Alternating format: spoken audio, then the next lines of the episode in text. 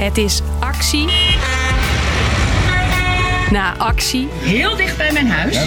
Mijn kinderen staan hier binnen te trillen. Na actie. Inmiddels hebben we dus uh, melding gehad van vijf plekken waar de bermen in de brand zou zijn gestoken. Acties van boeren die willen laten zien dat ze het niet eens zijn met de stikstofplannen van het kabinet. Het is niet acceptabel in dit land om gevaarlijke situaties te laten ontstaan. En te zeggen, ja, dat moet nou eenmaal, want we zijn aan het demonstreren. Hoe ver mogen actievoerende boeren gaan? Ik ben Hilde en daar gaat deze aflevering over van... Lang verhaal kort.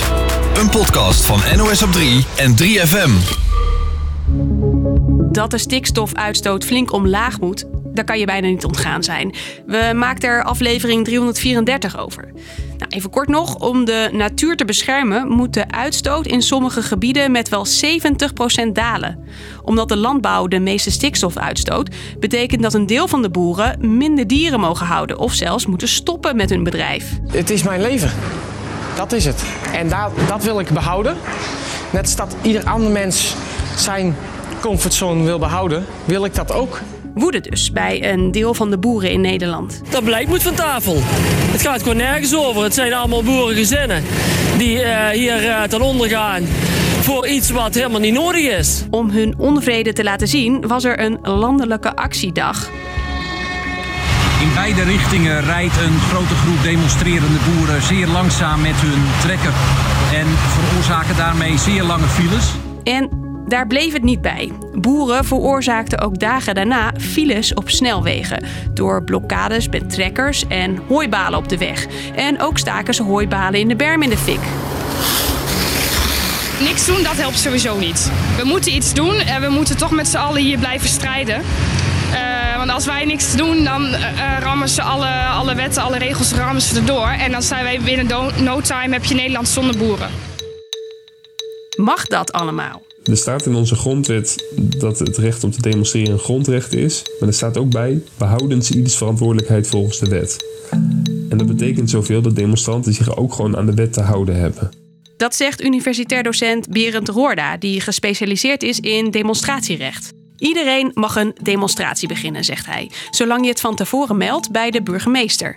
En daarbij kun je best een beetje de grens opzoeken. En ik denk dat het van groot belang is in een democratische rechtsstaat dat daar wel ruimte aan wordt gegeven, dat mensen zich op die manier kunnen uiten, soms die grenzen opzoeken, misschien zelfs even die grenzen overgaan.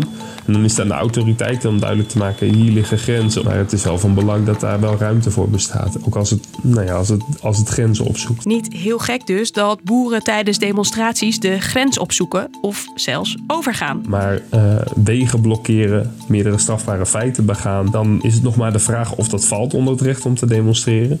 Bovendien, ook al valt het wel onder dat recht om te demonstreren, dan blijft wel de regel staan dat ook uh, tijdens zo'n protest mensen zich wel gewoon moeten houden aan de regels, ook aan verkeersregels. Premier Rutte snapt ook dat boeren hun punt willen maken, maar vindt de manier waarop nu niet oké. Okay. En ik roep alle boeren op om natuurlijk, als ze willen, te demonstreren, maar dat te doen op een manier waarbij er niet wordt geïntimideerd en er geen gevaarlijke situaties ontstaan.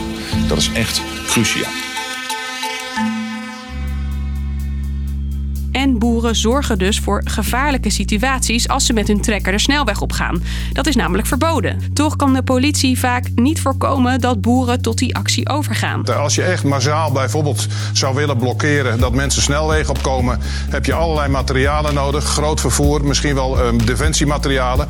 Het is de vraag of je dat zou moeten willen in Nederland in de situatie waarin je nu zit. Tot nu toe deelde de politie wel al honderden boetes uit aan boeren die met hun trekker de snelweg opgingen. Maar er klinkt ook kritiek op het optreden van de politie. Bijvoorbeeld, het lijkt wel of bij boeren op hun trekker de wet van de sterkste geldt. Treedt de politie niet veel harder op tegen andere actiegroepen? Klimaatactivisten bijvoorbeeld.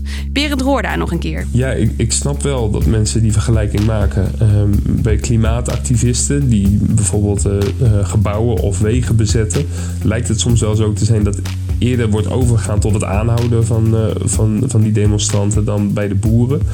Um, en ik kan me niet aan de indruk onttrekken dat het ook te maken heeft met hoe gemakkelijk het is om op te treden, bijvoorbeeld tegen klimaatactivisten of tegen boeren. En die trekkers die maken het wel ingewikkeld om daartegen op te treden. Wat, wat nog wel meespeelt, is dat die klimaatactivisten soms ook tot doel hebben om juist te worden aangehouden. Om op die manier meer aandacht te krijgen voor hun punt. Ehm, terwijl bij die boeren is dat niet per se het geval. Die zijn er niet op uit om aangehouden te worden. Die willen gewoon op een hele indringende manier hun punt maken. Vanaf vrijdag 1 juli wordt het voor de politie wel makkelijker om boetes uit te delen aan boeren die met hun trekker hun punt willen maken. Dan moeten trekkers verplicht een kentekennummer dragen. En zijn actievoerders dus niet meer anoniem.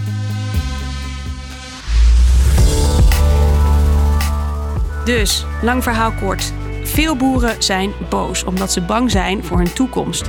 Om dat aan de rest van Nederland duidelijk te maken, gaan ze soms over tot illegale acties, zoals wegblokkades. Optreden daartegen is ingewikkeld, onder meer door het middel dat boeren veel inzetten: de trekker. Was en weer, morgen rijden we een nieuwe aflevering van Lang Verhaal Kort, je podcast-app in. Tot dan!